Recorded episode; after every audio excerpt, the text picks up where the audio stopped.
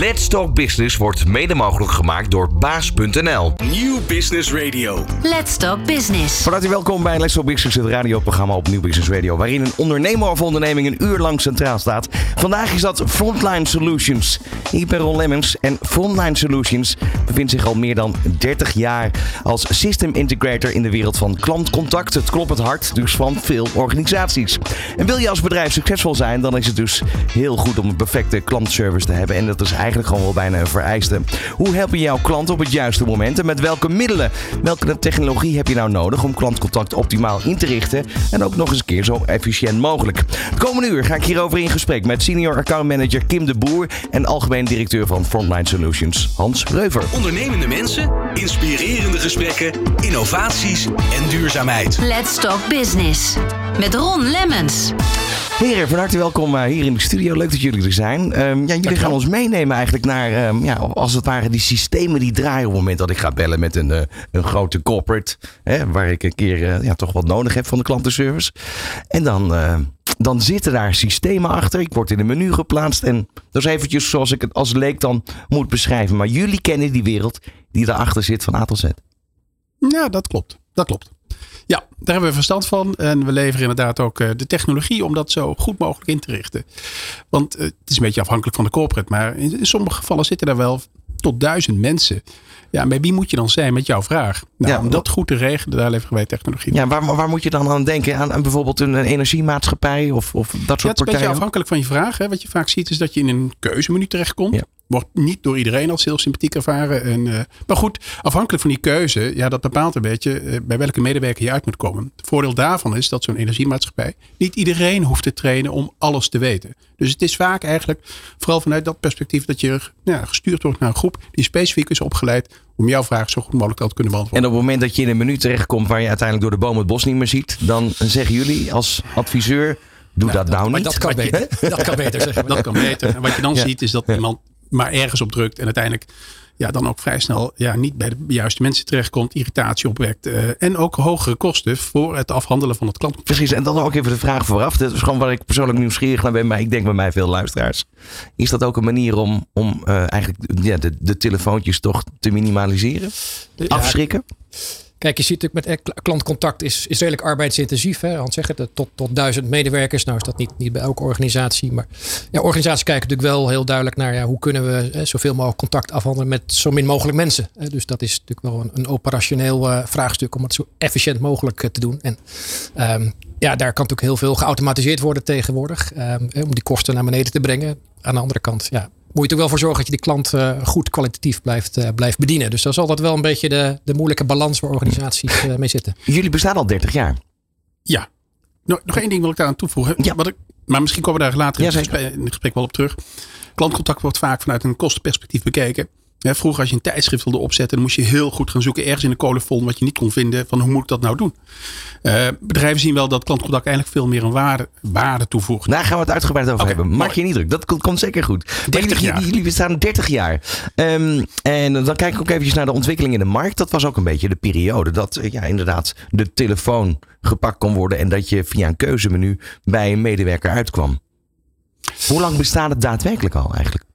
ja, eh, poeh, klantcontact is denk ik al heel relevant. Wij bestaan 30 jaar, maar de dienstverlening die we 30 jaar geleden deden, die doen we nu niet meer. Maar kan je daar iets van, van stel mensen hebben dat niet meer scherp op het netvlies. Ja, ik denk, Hoe ik was denk dat? dat in de jaren 80, dat het eh, eh, eind jaren 80, eh, zag je wel dat er professioneel nagedacht werd over, over klantcontact. En, en dat zag je ook natuurlijk dat ja, de, de volumes dusdanig werden dat organisaties er iets mee moesten. Hè. Dan kon je niet zomaar meer naar een persoon bellen. Eh, dan wilde je dat natuurlijk georganiseerd doen. En dan wilde je dat daar een groep mensen waren. En dat die vragen, wat Hans net ook zei, op de juiste manier bij de juiste mensen uitkomen. Die er ook echt een antwoord op hebben. En dan ga je niet meer één op één met iemand Precies. bellen. Maar Maar tot die tijd kwam je eigenlijk rechtstreeks via een telefooncentrale eh, binnen, toch? Of niet? Als dat al lukte. Ja. Als dat al lukte. Ik denk dat ergens in de jaren 90, begin eh, eh, 2000, eh, zagen bedrijven dat het hebben van een goede service ook onderscheidend kon zijn. En in die tijd zat ook bijna iedere energiemaatschappij bij een programma zoals Kassa Radar. Eh, Joep van het Hek heeft ook wel behoorlijk zijn best gedaan om klantcontact wat meer op de kaart te zetten. Dus eh, eh, ja, je ziet wel de afgelopen twintig jaar een enorme professionalisering op dat gebied. Nu- weet ik ook nog wel, in die periode werd ook vaak gesproken over van bedrijven worden afstandelijker. Ja, Ja, kennen jullie dat? Dat dat, dat signaal er toen was? Ja, zeker. zeker. Ja, ja, en ik denk dat dat nog steeds wel een, eh, een uitdaging is. Hè, om, uh, met name misschien voor uh, hoe groter je bent, hoe moeilijker het is, denk ik, om persoonlijke service te blijven. Maar dat zijn natuurlijk de, de, oplossingen waar jullie met name mee bezig zijn. Om dat zo goed ja. mogelijk in de goede banen te leiden. Ja, maar er waren natuurlijk ook tijden dat je als consument ook niet kon switchen van leverancier. Weet je, het, dus het maakte niet uit hoe goed die service was of hoe slecht. Ja, je kon geen kant op. En dat zie je natuurlijk hè, met name onder andere in die telecomsector. Je kunt gewoon wat makkelijker switchen. Uh, en dat zorgt er ook voor dat dat gebeurt. Hè. Kijk maar in de verzekeringswereld waar dat uh, de eindejaarsweken zoals we dat hebben. Dus ja, die loyaliteit naar dat merk, ja, dat wordt steeds belangrijker. Ja. Even een, terug naar het bedrijf zelf. Ja. 30 jaar geleden zijn jullie begonnen. Met hoeveel medewerkers? Poeh, weet ik niet. Het is voor mijn tijd. Ik ja. werk er nu vier jaar. Ja. Uh, we doen dat nu met, met 34 collega's. In die tijd ja, was het misschien wel kleiner. Maar van de andere kant, de werkzaamheden waren misschien wat intensiever. We zien wel dat de aard van werkzaamheden ook aan het veranderen is. Is het voornamelijk de IT-afdeling um, waar nu de zwaar, het zwaartepunt ligt, als het ware? Qua arbeidsintensiviteit? Ja, dat is een beetje aan het verschuiven. Uh, ook met de hele ontwikkeling van uh, software naar de cloud brengen. Uh, vroeger was dat natuurlijk uh, ja, was het intensief om, om systemen op te tuigen en software uh, bij te houden en up te daten. Uh, dat was veel werk voor, voor IT-organisaties. En nu, ja, vanuit de cloud, is dat allemaal een stuk makkelijker en is de business vaak ook veel beter in staat om zelf dingen te wijzigen. En wat natuurlijk veel beter is, want ja, als er vandaag iets gebeurt, en zeker in contactcenters, kijk naar de coronatijd, als er in één keer iets, iets spannends gebeurt, dan moet je natuurlijk daar meteen op in, in kunnen spelen. En dat maakt dat, dat de business ook veel meer met en met de handen aan, uh, aan de knoppen wil zitten eigenlijk. Ja. En dat, dat kan nu gelukkig met de ontwikkelingen die we gezien hebben. Even naar jullie persoonlijke, Kim. Hoe lang ben je eigenlijk al in deze sector actief? Uh, meer, meer dan twintig jaar inmiddels, ja. En, en, met veel plezier nog steeds. Want het is, uh, ja, klantcontact uh, heb je natuurlijk ook zelf. Hè, ervaar je zelf ook elke dag. Dus uh, in, in goede en minder goede zin. Maar dat maakt het heel leuk om, om organisaties te helpen. Om dat ook voor hun klanten beter te maken. En voor jou, Hans? Um, 2006 werd ik benaderd om commercieel directeur te worden bij een bedrijf. Dat heet HCM. Nou, dat kende niemand. En dan moest je uitleggen wat het was. En dat stond voor het callcenter netwerk. En als dan het woordje callcenter viel, dan keken vooral vrienden je toch een beetje meewarig aan. Want nou, zo slecht ging het toch nog niet met je. Um, maar sinds 2006. En ja, ik heb wat dat betreft wel die, diezelfde ervaring als Kim. Die, die betrokkenheid bij, die, ja, bij dat klantcontact is alleen maar gegroeid. Het is alleen maar interessanter geworden. En we hebben natuurlijk iedereen, iedere consument, iedere dag mee te maken. Hè. Dat geldt ook al voor het restaurantje wat je bezoekt en de service die je daar ervaart. Dus het is wel een boeiende wereld en uh, er gebeurt veel. Um, inhoudelijk, naar, naar, waar kunnen jullie het verschil maken? Ik kan me voorstellen dat in die wereld heel veel IT-systemen beschikbaar zijn.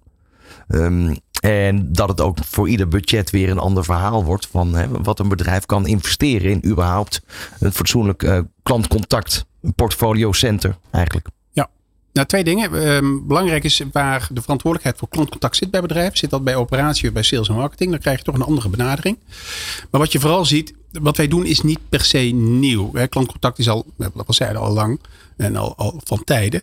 Alleen we zien op dit moment heel veel um, bedrijven die uh, allerlei puntoplossingen hebben, zoals dat heet. Die hebben een telefonie, die hebben ooit iets gedaan met social. Die hebben, en wat we nu vooral zien is dat dat vooral naar geïntegreerde omgevingen toe gaat. En dan is er juist veel werk voor ons als system integrator om ervoor te zorgen dat je ja, de boel toch wel echt goed aan elkaar ja, Vandaar mijn vraag eigenlijk ook. Want bedoel, je hebt natuurlijk veel meer data voorhanden. Ja. Ik bedoel, kan me voorstellen dat dat in de systeem inmiddels gewoon ja, bijna het hart van het systeem is. Uh, aan de hand daarvan kan je natuurlijk ook kijken wat de route moet zijn om uh, de beleving voor de klant zo goed mogelijk te krijgen. Ja, klopt. Um, ik vind wel dat er uh, veel te weinig met interactiedata wordt gedaan. Hè. Het feit dat jij nou, bij die energiemaatschappij gisteren op de website heb gekeken en mail heb gestuurd. Weet je, dat, dat moet wel samenkomen. Dat noemen we dan ook omnichannel. Hè? Dat, dat, want daar voel je je herkend. Hè? Als je uh, iemand zegt, nou, ik zag dat u gisteren al een mail hebt gestuurd en ook al contact hebt gehad en dat en dat. Nou, dat zijn wel dingen waardoor het ook wat persoonlijker wat fijner wordt. Dat lukt nog niet ieder bedrijf. Nee, en opvallend ook bij veel telecombedrijven. Uh, ben je als zakelijk klant vaak sneller aan de beurt dan dat je als particulier gaat bellen. Is nou, dat herkenbaar, wat, wat ik nu zeg? Nou ja, ik denk wel dat je te maken hebt met wat we noemen een cost to serve. Hè. Als je een frequent flyer bent, krijg je een andere behandeling. Precies. Um, en dat, dat is ook zo. En dat is ook bij, um, nou, bij telecombedrijven.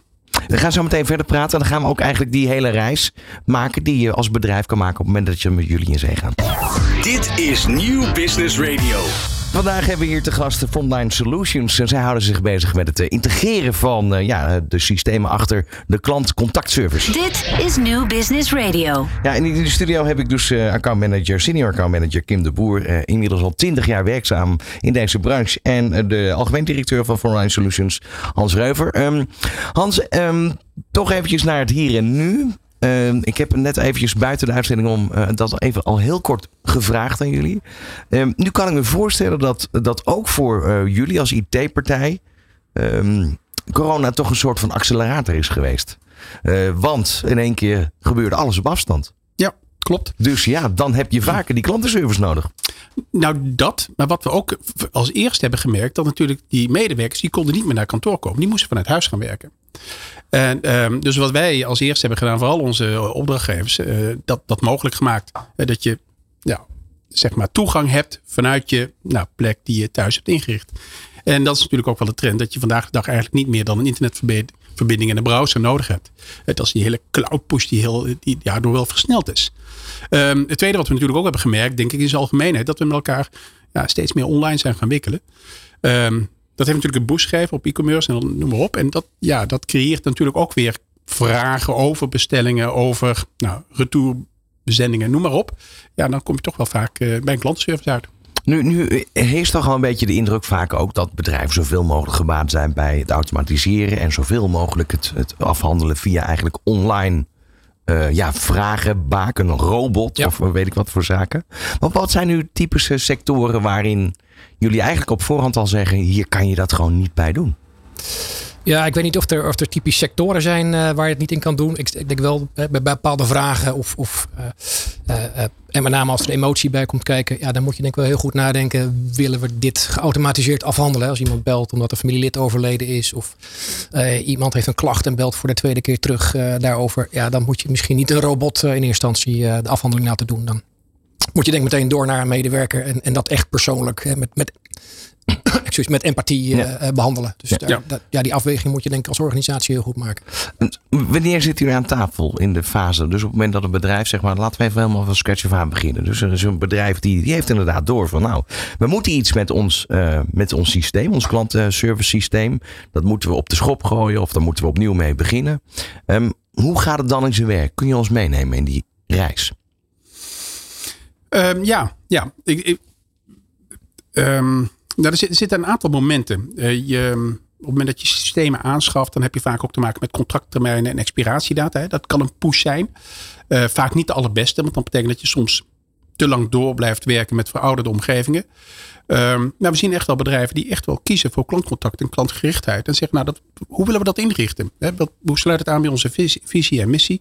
En wat betekent dat voor onze klantcontactstrategie? Nou, als we in die fase aan tafel komen, um, ja, dan, um, Kijk, iedereen heeft al vaak wel wat. Maar je moet met elkaar gaan kijken hoe ziet die roadmap eruit voor de komende jaren. Waardoor je uiteindelijk door kunt groeien naar die ideale omgeving. Waarin... we kijken dan vaak naar een paar use cases hè, die ja. je aan kunnen pakken. Ja. Dus hele specifieke uh, zaken die, die op korte termijn verbetering kunnen brengen, maar ook naar lange termijn toe. Waar, waar... Maar wat zijn dan de kenmerken waar jullie op letten, als je dat even kunt specificeren? Um, nou ja, bijvoorbeeld, uh, bijvoorbeeld we net uh, hadden over, over data en data gebruiken en, en analyses daarop doen om uh, uiteindelijk je producten en processen te verbeteren van wat je allemaal van klanten natuurlijk aan data binnenkrijgt. Daar kan, daar kan je veel van leren. Um, ja, dan gaan we met, met een klant zitten van hoe, hoe kun je dat best inrichten? Wat voor software kun je daarvoor gebruiken om, om daar zoveel mogelijk waarde uit die, uit die data te halen? Maar wat zijn die parameters dan? Um, nou, je kan bijvoorbeeld kijken naar de afhandeltijd. Hè, de afhandeltijd om die te optimaliseren en, en met name aan de, aan de beginkant bijvoorbeeld van, van een klantcontact. Het uitvragen van bijvoorbeeld een ordernummer of een klantnummer. Ja, heb je daar een medewerker voor nodig? Dat zijn typisch van die dingen die kan je automatiseren. Kan je een chatbot laten vragen of, of, via een digitale spraakassistent.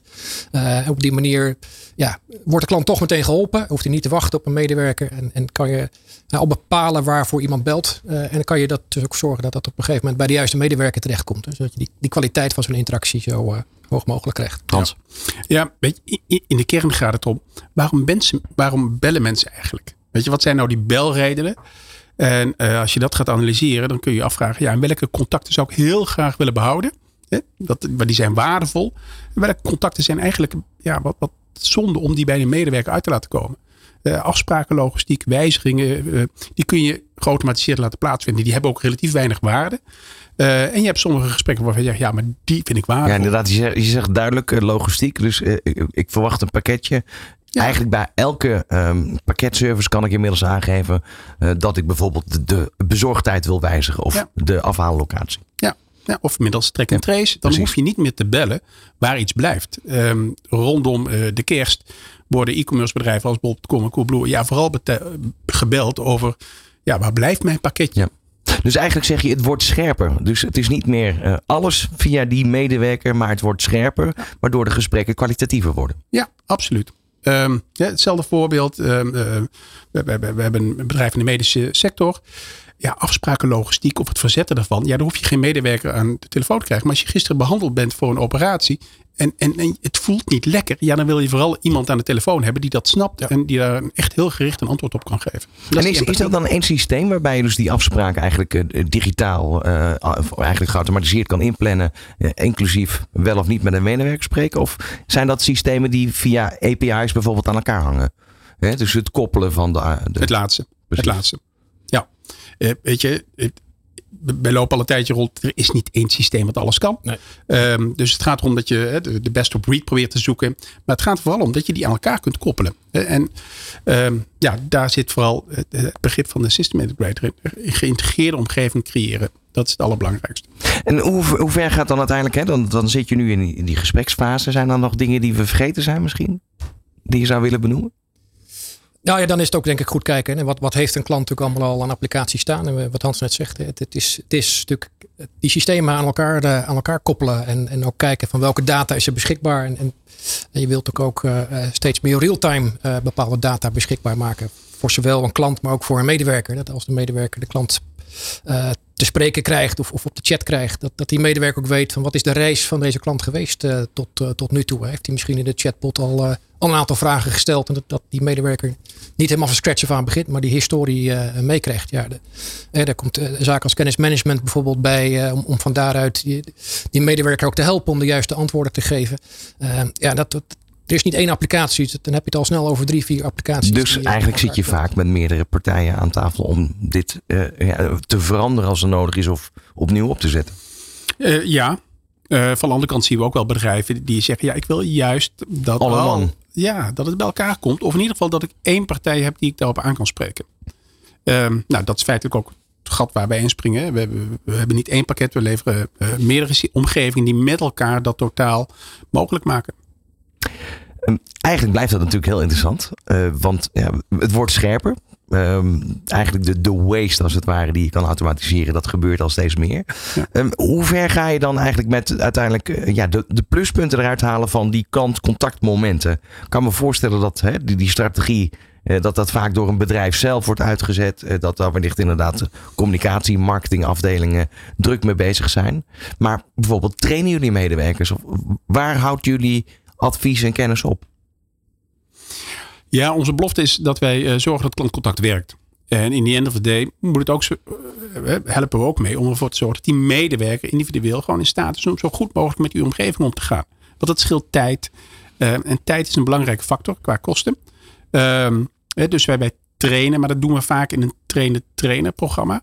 Zodat we ook zorgen dat de kennis bij die organisatie blijft. Trainen-trainer, ja. Dat ja, ja, blijft ja. een leuke uitdrukking. Nou ja, maar het is wel waar. Want anders ontstaat natuurlijk ook een soort afhankelijkheid. En met name in klantcontact. Die wereld kan zo dynamiek, dynamisch zijn, ad hoc. Hè. We moeten nu snel opschalen of wat dan ook. Uh, ja, dan wil je ook uh, uh, zorgen dat die flexibiliteit ook zoveel mogelijk bij die organisatie zelf zit. Ja, en die medewerker moet natuurlijk ook ja, het succes van een applicatie die valt of staat natuurlijk bij de adoptie van een medewerker. Dus die moet ook goed weten, die krijgt iets nieuws voor zich. Uh, die, ja, die moet goed weten waar die mee, uh, mee aan de slag gaat. Om ook, en we proberen natuurlijk waarde toe te voegen in zo'n uh, zo'n klantcontact. Ja, dan moet zijn medewerker ook wel weten hoe zijn applicatie werkt. Dus dat, dat is enorm belangrijk, denk ik. Is dat, iets, is dat iets wat eigenlijk allemaal binnen Nederland plaatsvindt? Of, of, of kan je spreken van deze systemen? Dat zijn vaak gewoon internationale systemen. En uh, of ik nou in Duitsland een, een, ervaring heb of in Nederland.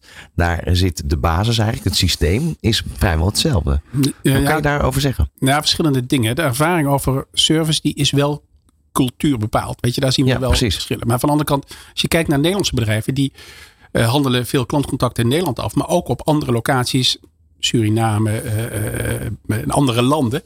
En dan wil je dat wel doen met één omgeving. Want ehm, ja, daarmee kun je eh, veel gemakkelijker, zeg maar, die medewerkers die je bij wijze van spreken in, in, in Portugal hebt zitten, Nederlands Ja, ik wou net zeggen, dat is, eh, dat is eh, hot business, toch? Dat is zeker een business, ja. En de enige reden waarom we gebruik maken van locaties in Portugal of Suriname of in Athene, ja, is vanwege de kosten.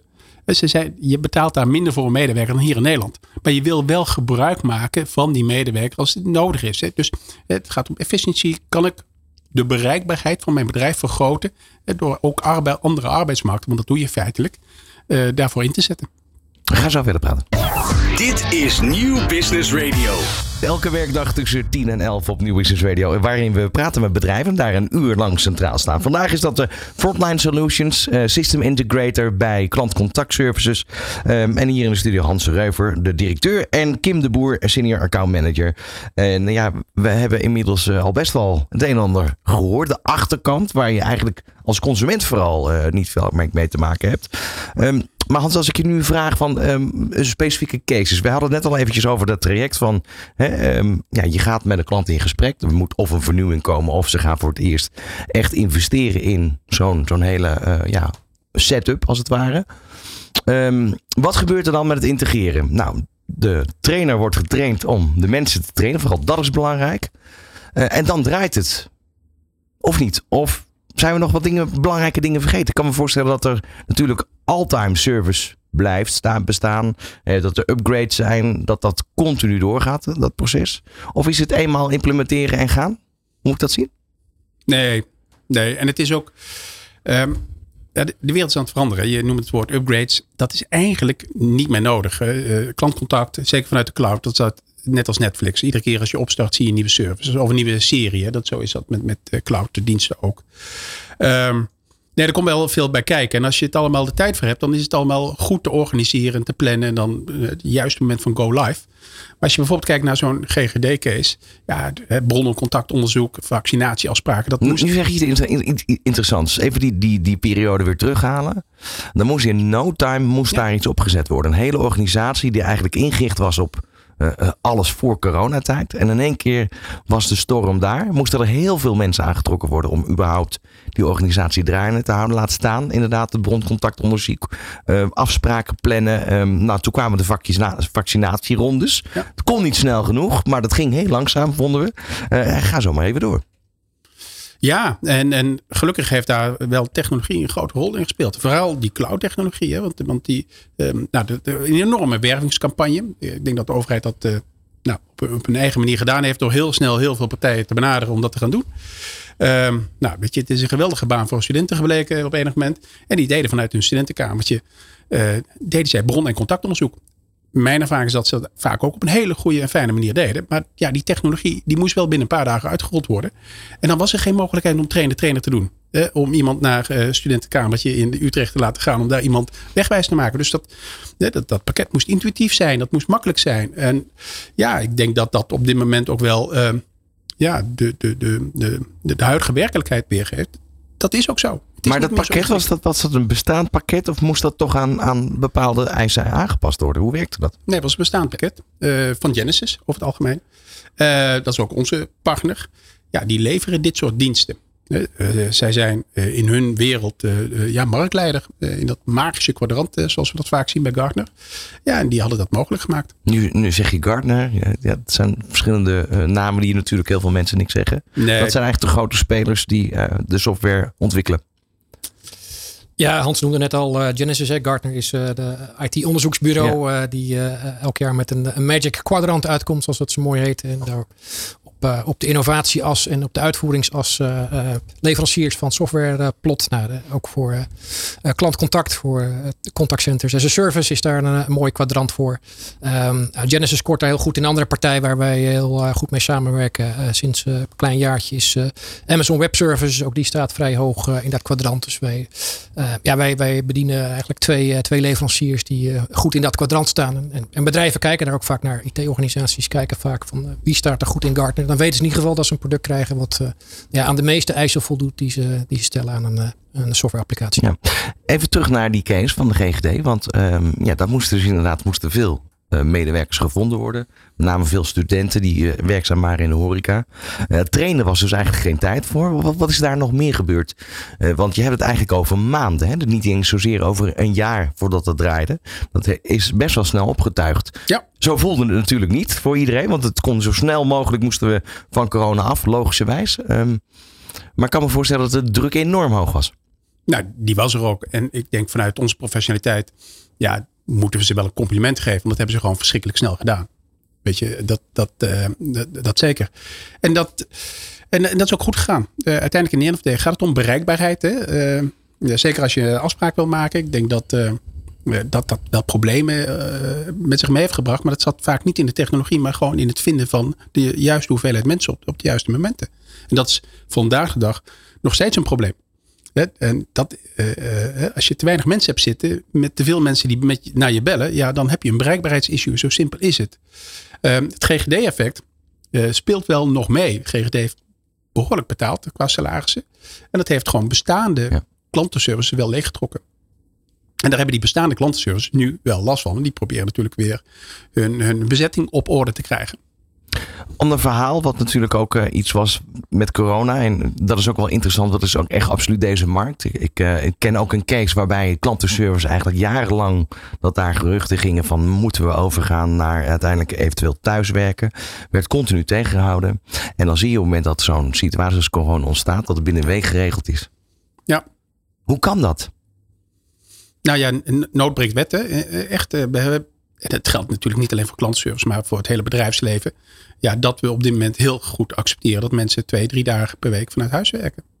En dat maakt het natuurlijk ook veel makkelijker. Weet je? Maar, maar de snelheid waarmee, waarmee de integratie heeft plaatsgevonden, dat, dat vind ik met name merkwaardig. Ja, ik Binnen een week. Bij veel organisaties dat er wel een soort van koud watervrees heerste vanuit de cloud. En, en we kunnen natuurlijk allemaal de verhalen wat er kan gebeuren hè, met, als je je foto's in de cloud uh, plaatst. Dus dat wordt natuurlijk en, en terecht ook wel naar, naar, heel erg naar de beveiliging daarvan uh, gekeken. En, ik denk dat organisaties op dit, uh, in zo'n crisissituatie dan toch een modus hebben gevonden van oké, okay, we, gaan, we gaan toch naar de cloud toe. en misschien hebben niet, we kunnen niet alles van tevoren aftikken qua beveiliging. Maar uiteindelijk is natuurlijk gebleken dat, dat heel veel cloud applicaties gewoon daar prima aan voldoen. Ja. Want die, die draaien bij een Amazon in een omgeving die, die veiliger is, bij wijze van spreken, dan je ooit in je eigen datacenter uh, voor elkaar kan krijgen.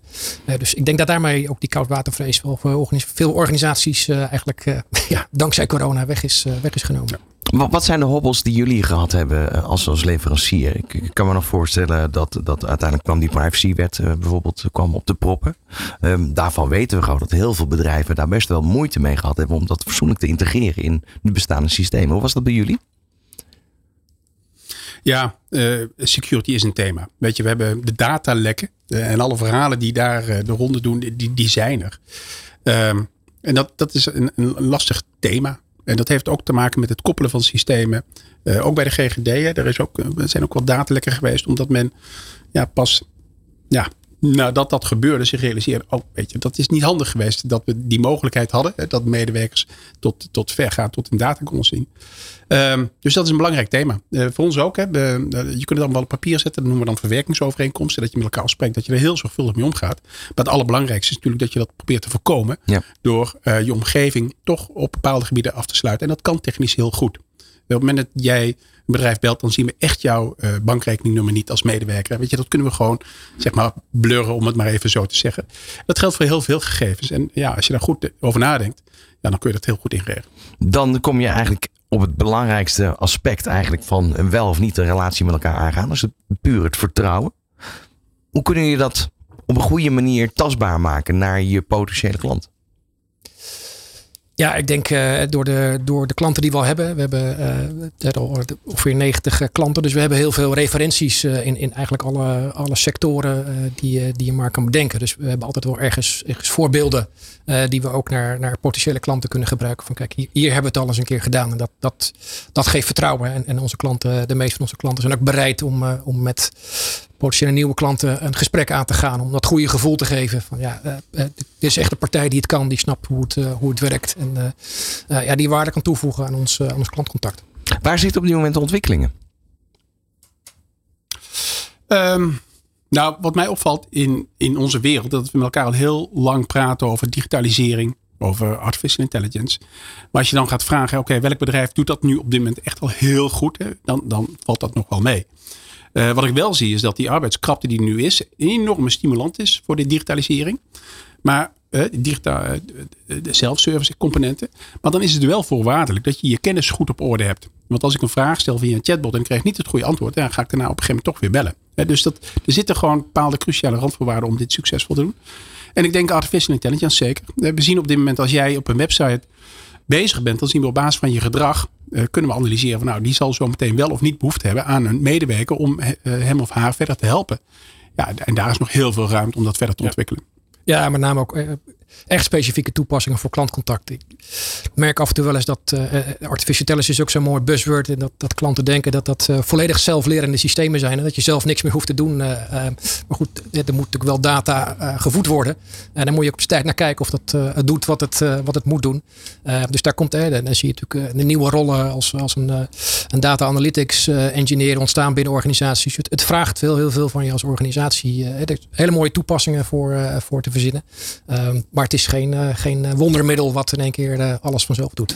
Wat ik ook zie, even, en, dat toch wel ook mijn bewondering uitspreken. De, degene die verantwoordelijk vroeger was voor klantcontact. Ja, die, die, die baan die wordt steeds ingewikkelder. Er komt inderdaad IT-technologie bij. Het heeft te maken met allerlei stakeholders. Het, het, is niet meer op een tafel staan en zorgen dat iedereen enthousiast is om, om, om die telefoon op te pakken. Um, dus het is wel een, een, lastige baan waar je vandaag de dag behoorlijk wat in huis moet hebben, ook op analytics gebied, om dat goed in te kunnen richten. Ik kan me ook voorstellen dat je uiteindelijk zover gaat dat je in de systemen een, een soort van training implementeert. Dat hè, medewerkers die werken vanuit huis, nou, op het moment dat ze stoppen met werken, hè, je kan ook zeggen van nou stop een half uurtje eerder en ga vervolgens een training volgen. Dus zijn dat soort applicaties inmiddels voorhanden? Ja, die zijn er. Ja. Uh, en wat we ook zien is dat je, als jij bezig bent in je applicatie en je nou, doet er wat langzamer over dan gemiddeld, dan krijg je gewoon een pop-up en dan word je geholpen. Ja, en, en het, gaat er zelfs zo ver dat, uh, uh, ja, dat we ook de kwaliteit meten natuurlijk van medewerkers. Hoe goed doen ze het? Hoe goed handelen ze interacties af? En dat je op basis van, van die resultaten ook op een gegeven moment in hun planning een training zou kunnen plannen. Dat je nou, ze, bijvoorbeeld de opening is niet goed of ze maken niet goed gebruik van het, het moment om, om iets te, te verkopen terwijl de klant toch signalen geeft. Ja, dus dan kan je dat in hun planning eigenlijk inpassen. Dat ze even een kwartiertje nog een extra aandacht krijgen op, op specifiek dit ene onderwerp. Dus dat, dat, ook dat kan je inmiddels automatiseren. Jullie lieten net al eventjes vallen de systemen van Amazon Web Services. Uh, dat, is, dat is erg vooruitstrevend, als ik het goed begrepen heb.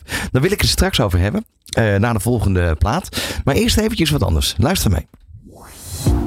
Op welke con-collega, concurrent, zou je stiekem wel een beetje willen lijken? Toen werd het een beetje stil hier in de studio. maar ik ben wel benieuwd. Nou, ik moet zeggen dat ik op dit moment veel bewondering heb voor een bedrijf als Salesforce. Uh, daar zit natuurlijk ook wel een enorme organisatie achter. Uh, maar de manier waarop zij integraal naar klantcontact kijken, dus niet alleen maar naar een klantenservice, maar ook uh, contact met balies, noem maar op. Dat, dat, ja, daar ben ik wel van onder de indruk.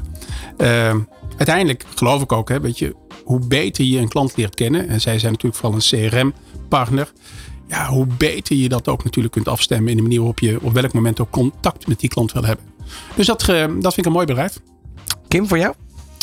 Um, ja, ik, ik pak dan zelf even uh, Amazon erbij, uh, uiteraard. Want dat, uh, ja, dus, je kijkt natuurlijk naar, naar innovatie en, en, waar dat bedrijf van, vandaan komt. maar is het, is het een concurrent, conculega? Ehm, nou ja, de Amazon is, is nou, niet echt een concurrent. Nee, dat niet. Maar het is wel een bedrijf, denk ik, waar ja, die, die. Maar vooruit, ik zal, ik zal niet te streng zijn dan. ja, we gaan het er zo meteen over hebben. Over ja. Amazon. Dit is Nieuw Business Radio. Uh, met vandaag Frontline Solutions in de studio. Uh, Kim de Boer, uh, senior account manager. technisch ook veel kennis in huis, hebben we inmiddels kunnen horen. En Hans Reuver, de algemeen directeur van Frontline Solutions. Hans, eventjes heel kort naar het bedrijf zelf. De cultuur bij jullie bedrijf. Hoe zou je die willen omschrijven? Oeh, nou vooral heel prettig. Maar dat zegt, weet je, ik heb hiervoor in grote corporate organisaties gezeten. En wij zijn een man met, met een club van 35 mensen. Um, extreem betrokken.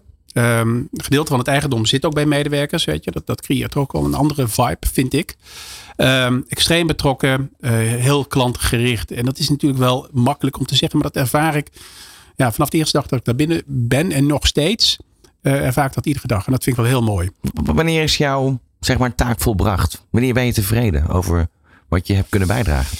Um, nou, twee dingen. We, we, we gaan we hanteren het principe van customer intimacy. We willen gewoon tevreden klanten. En, en, en daar geniet ik nog iedere dag van. Uh, kan er ook eens ontzettend van balen als dat niet zo is. En dan, uh, dan gaan we ook daarop acteren. Uh, en we willen uiteindelijk wel naar een ja, mooie voorspelbare groei.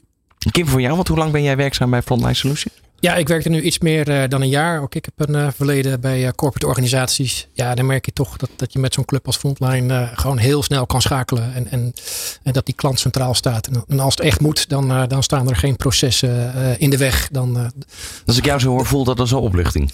Nou, ik wil niet zeggen opluchting. Maar het, ja, het, het, is wel uiteindelijk de klant waar we het voor doen. Hè. Dat, dat, die klanttevredenheid, ja, dat, is, dat is bij ons heilig. Ehm, ja, en, en, daar doen we alles voor. En dat ja, elke dag. En, 24 keer 7 als het, eh, als het nodig is. Want ja, klantcontact gebeurt ook s'nachts. Um, Dus dat gaat 24-7 door uh, voor sommige van onze klanten. We hadden het net al eventjes over uh, Amazon Web Services. Uh, als ik jullie zo een beetje begrijp, dan is dat het summum op dit moment als het gaat om de systemen of in ieder geval de cloud-oplossing. Ja, wat, wat je heel erg ziet uh, in de markt is dat uh, als het gaat om software applicaties, dat, dat organisaties, uh, een, een flink aantal organisaties zoiets hebben van ja, we, wij willen geen contracten voor lange termijn afsluiten. Hè, want die software die ontwikkelt zich zo snel. We willen niet meer op een minimaal aantal gebruikers uh, een, uh, elke maand hoeven af te rekenen. Ja, willen... waar zit dan met name die, die snelle ontwikkeling in die software? Is dat puur artificial intelligence, dat soort zaken? Ja, het is, het is uh, A, omdat het uit de cloud is. Uh, B, omdat uh, Amazon inderdaad heel erg op artificial intelligence heeft, heeft ingezet. een infrastructuur heeft die enorm betrouwbaar is. en een model biedt, een financieel model biedt, waarbij je gewoon afrekent op basis van, van gebruik. En dat betekent ook dat je ja, heel klein kan beginnen. Als je innovatie wil doorvoeren, dan, ja, dan zit je niet te wachten op een groot driejarig project waarbij je pas na, na drie jaar voordelen gaat behalen. Dan wil je wil ergens kleiner beginnen, kunnen, kunnen kijken of, het, of iets werkt of niet. En als het niet werkt, wil je ermee stoppen wil je niet aan een contract vastzitten. Dat is denk ik de kracht van hem. In hoeverre is het dan nog een custom-made project of uh, traject eigenlijk? Uh, nou ja, het, het, is deels uh, custom en dat is denk ik ook een voordeel. Hè. We, we, zien uh, bedrijven als, als TUI en Leaseplan en Egon die, die de move hebben gemaakt naar, naar Amazon. Um, ja, die, die daar ook voor kiezen omdat ze het dan helemaal naar hun hand kunnen zetten. ja, deels is er standaard functionaliteit, maar aan de andere kant kunnen ze het ook echt zo maken dat het echt zoveel mogelijk waarde toevoegt aan, uh, aan hun business. En dat ze hun klant het beste kunnen bedienen. En, en, dat ze op het moment dat ze even een piek in het verkeer hebben, uh, qua aantal klantcontacten, wat ja, toen we in corona natuurlijk zag, hè, op en neer uh, qua volumes. Ja, dat je heel dat je niet, niet hoeft te schakelen, dat dat gewoon automatisch gaat. Dat, dat is wat bij ja, dat soort bedrijven belangrijk vinden en, en waarvoor ze voor Amazon kiezen. Hans, waar zit voor jullie de, de grootste groei de komende jaren? Ik kan me voorstellen dat het een gevoelige vraag is. Dat je dat natuurlijk niet zo nee. één wil zeggen. Maar waar, waar zie je op dit moment zie je nog eigenlijk een enorm gat in de markt. Uh, waarvan je zegt, ja, daar springen we direct in. Ja, kijk, klantcontact zit overal. Uh, of je nou een overheidsorganisatie bent. Uh, of e-commerce, waar je misschien een enorme groei te maken krijgt. Het, het zit overal. We werken eigenlijk niet branche-specifiek dat er ontwikkelingen zijn. Dat zit overal. je hebt natuurlijk wel bedrijven die wat minder waarde hechten aan klantcontact. Um, wat, wat ik nu zie is, um, um, en dat zie ik ook aan alle uitvragen die op de markt zijn. Er gebeurt veel. Iedereen wil naar omnichannel. Uh, als je dat wat zegt, hè, we hebben inmiddels van, uh, van multichannel dat we meerdere kanalen uh, aanboden, willen we dat nu geïntegreerd, waarbij echt die klant centraal staat en en zijn contacthistorie. Dus even misschien toch dat die vertaling naar omnichannel, met andere woorden, vanuit verschillende manieren van communicatie in contact staan met de klant. Ja, maar dan weet ik nog steeds dat jij degene bent die exact. gisteren WhatsApp ge-mailed en noem maar op. Ja. Uh, dus dat zien we. En dat zit eigenlijk in alle bedrijven uh, die dat willen.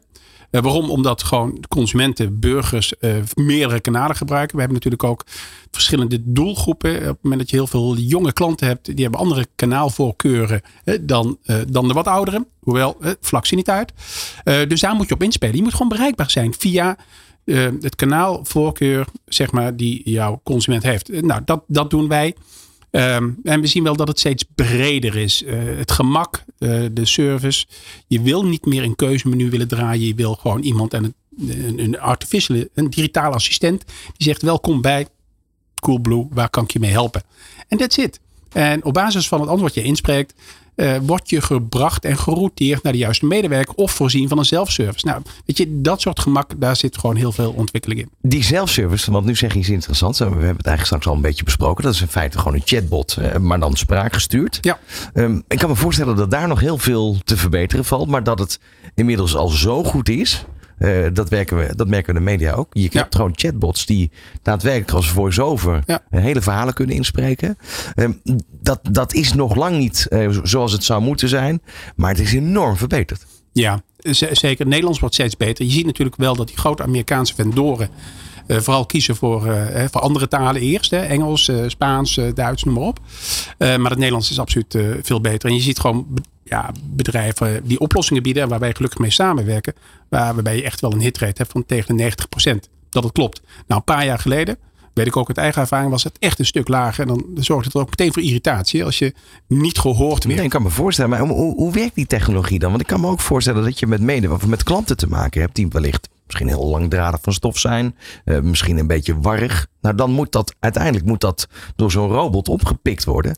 Dat dat nog wel een enorme uitdaging is. Is denk ik uh, uh, en ideaal om te zeggen dat, dat een robot 100% van alle nee, gesprekken kan precies. beantwoorden. Hè? Maar dat zit natuurlijk ook, het heeft ook een beetje te maken met, met de volumes. als, je, als je redelijk veel klantcontacten hebt, je kan daar 80, 85% wel goed van afhandelen. Ja, dan scheelt dat enorm veel, enorm veel tijd. dus dit, de hele specifieke gevallen misschien niet. Maar ja, die, die engines die worden getraind uiteraard. En die, die luisteren mee ook naar de gesprekken. En die, die leren daar ook van. Die worden ook getuned om ervoor te zorgen dat, dat die herkenningsgraad steeds verder om, uh, omhoog gaat. En wat Hans zegt, dat, dat doen we uh, voor digitale spraakassistent met, uh, met een, een, lokale partij. Want ja, die kennen die, die taal natuurlijk het beste. Amerikaanse partijen die, die lopen daar op het, algemeen, ja. het algemeen wat op achter. Ja. ik kan me ook voorstellen dat uiteindelijk dat je een klant moet overtuigen om zo'n systeem te gaan toepassen. Ja. Meestal dat wel. ze niet meteen zeggen van nou nee, dat doe maar. Nee, klopt. Weet je, er zit steeds meer een business case achter. Ja. Weet je, wat, wat kost het? En Precies. hoe ziet mijn... Maar het laat zich niet altijd in geld uitdrukken. Uh, we zien, we hebben één klant waarbij, uh, die doen het eigenlijk hartstikke goed. Maar als zij vragen aan hun uh, klanten waar ze ontevreden over zijn, is het vooral vanwege dat keuzemenu. dus dat, verder doen ze het eigenlijk hartstikke goed. Dus het is ook een beetje de keuzes die je maakt als bedrijf. hoe wil je je klanten te woord staan? Ja, en proberen. Ga vooral proberen kijken of het werkt. Uh, pilots draaien en dan daarna kijken of het uh, goed genoeg is om een volgende stap te nemen. En dat scheelt dan op het moment dat je dus een ander businessmodel hebt, uh, zoals pay per use. Ja, ja absoluut. Is het daardoor ook merkbaar dat klanten sneller de beslissing nemen om te integreren? Uh, nou, ik wil niet per se, uh, per se zeggen sneller, maar uh, wel veel meer informatie hebben om, om, de, goede, om de goede keuze te maken. überhaupt de mogelijkheid hebben om, om even snel een, een pilot te draaien gedurende een maand bijvoorbeeld. Ehm, en waar dat vroeger met, met software veel moeilijker was, of, of eigenlijk niet eens mogelijk. Dus. Wel, welke data is, is key die er nu op dit moment ontgonnen wordt? Op het moment dat er een klant belt naar zo'n klantcontactservice? Ja, ik, ik denk met name uh, wat, wat heeft zo'n klant in het verleden al, uh, al gedaan in de reis? Welke contacten zijn er al geweest in de afgelopen maanden? Uh, zowel binnenkomend de klant zelf contact opnemen, maar ook wat hebben we als organisatie qua uitgaande contacten vanuit marketing gedaan of vanuit service. en, en, en dat bij elkaar brengen. Om ervoor te zorgen dat, dat, die, dat die klantreis herkend wordt. En dat je bij voorkeur ook proactief contact kan opnemen. Je wilt ook eigenlijk liefst eh, als er ergens een storing is of, of je ziet dat er iets fout gaat bij, uh, bij een klant of een levering, wil je natuurlijk het liefst een klant meteen informeren. Ja, om te voorkomen. Regelmatig krijg je na afloop van een klantcontactmoment, ook ik als klant natuurlijk, uh, een, een, een soort van uh, enquête. Is dat, is dat nog fijn? Is dat nog wat je zou willen? Ja, ik vind, ik vind dat je. Zijn, kijk, in the end of the day wil je weten wat die klant van je vindt. Uh, dat kan op meerdere manieren. Hè. Tegenwoordig hebben we ook wat we noemen speech analytics. Eigenlijk analyseren we continu het gesprek wat je voert. Ja. Daar haal je heel veel informatie Precies. uit. En als je dat niet doet of niet mag doen, dat kan ook nog eens een keer. Ja, dan is zo'n uh, klanttevredenheidsonderzoek aan het einde van het gesprek wel waardevol. Um, als je bereid bent om daar ook van te leren. En dit niet alleen maar uh, belangrijk vindt vanwege de score die je haalt. En dat, die vooral, uh, en, en, dat je die vervolgens alleen maar publiceert omdat je het zo goed doet. Maar de ambitie om klantvriendelijk te zijn. Of het klantvriendelijkste bedrijf in Nederland. Ja, die is er wel. En dat vind ik wel een mooi streven. Is, is dat eigenlijk meer een, nou ja, ik kan bijna zeggen, een soort van wetenschap geworden de laatste jaren? Waarbij er veel meer gekeken wordt naar heel veel eh, indicatoren hoe je het kan verbeteren. Ja, ik, ik ken weinig branches. Dat kun je op meerdere manieren opvatten. Maar waar zoveel uh, data beschikbaar is. Zoveel KPI's gehanteerd worden. Zoveel metrics zijn. Um, en daar kan nog veel meer mee gebeuren. Um, dus ja, de, ruimte om op basis van data te komen tot wat we noemen actionable insights. Of welke inzichten kun je daadwerkelijk toepassen. Ja, daar is nog veel te winnen. En, en Kim zei het al eerder in dit gesprek. Dat betekent ook dat je in zo'n klantenservice ook andere disciplines, andere competenties nodig hebt. Die dat voor je gaan doen. Um, en dat, dat is, ik denk dat we wat dat betreft nog een beetje aan uh, ja, uh, kijken naar, naar, een ontwikkeling die nog veel kan bereiken. Ja, ik kan me voorstellen, want uh, voorheen werd natuurlijk werd er een notitie gemaakt van klant X heeft gebeld en dit was de vraag. En nou, daar kan natuurlijk al heel veel ruis ontstaan op het moment dat het niet goed ge geborgd wordt, ja. als het ware. Ja.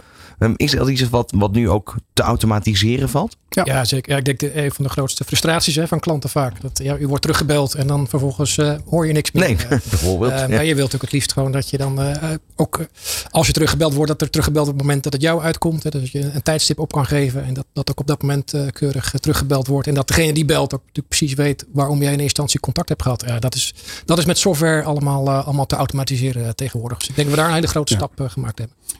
Software, weet je, en het gaat om procedures. Als je geen klantgerichte procedures in je bedrijf hebt, ja, dan kun je doen wat je wil, maar dan, dan wordt het nooit wat. Um, we weten dat uh, medewerkers worden gevraagd na afloop van een gesprek, waar ging dit gesprek nou over? Ja, bedrijven sloegen daar een door. Die hadden gewoon 20, 30, 40 belredenen. Ja, dat werd nooit wat, want was die medewerker ook wel klaar mee. Die dacht, nou, ik doe uh, één en twee maar weer een keer. Uh, dus je moet ook wel zorgen dat je als bedrijf, als je niet klantgericht bent, geen klantgerichte procedures hebt, ja, dan wordt dan word je nooit een klantgericht bedrijf. Want ondanks, dat is natuurlijk wel. Ondanks alle technologie. Als lange menus terechtkomt, ja. dan voel je je ook niet meer serieus genomen als klant. Nou, dat weet ik niet. Uh, maar we zien wel dat, en, en, nogmaals, ik denk, veel bedrijven werken al met zo'n digitale spraakassistent. Dat wordt een nieuwe norm. Ja. En, en, en uh, ja, ik heb nog nooit een maar, maar fijn wanneer, keuzemenu gehad. Dat dat gebeurt? Het gaat heel snel. Uh, ik denk binnen als we hier over, nou, ik vind het lastig in te schatten als het gaat om technologie, maar als we hier over twee jaar nog een keer zitten, dan, uh, dan denk ik dat er al heel veel bedrijven zijn. Er zijn nu al tientallen bedrijven die op die manier, grote bedrijven, gerenommeerde bedrijven, die op die manier hun eerste indruk, hè, waar kan ik je mee helpen, uh, belangrijker vinden dan een vijf of zeven uh, koppige keuze. Laatste vraag voor vandaag. Helaas, tijd zit erop. Fortnite Solutions over twee jaar dan? Hoe zien jullie eruit als bedrijf? Um, ik denk, nou ja, weet je, we veranderen.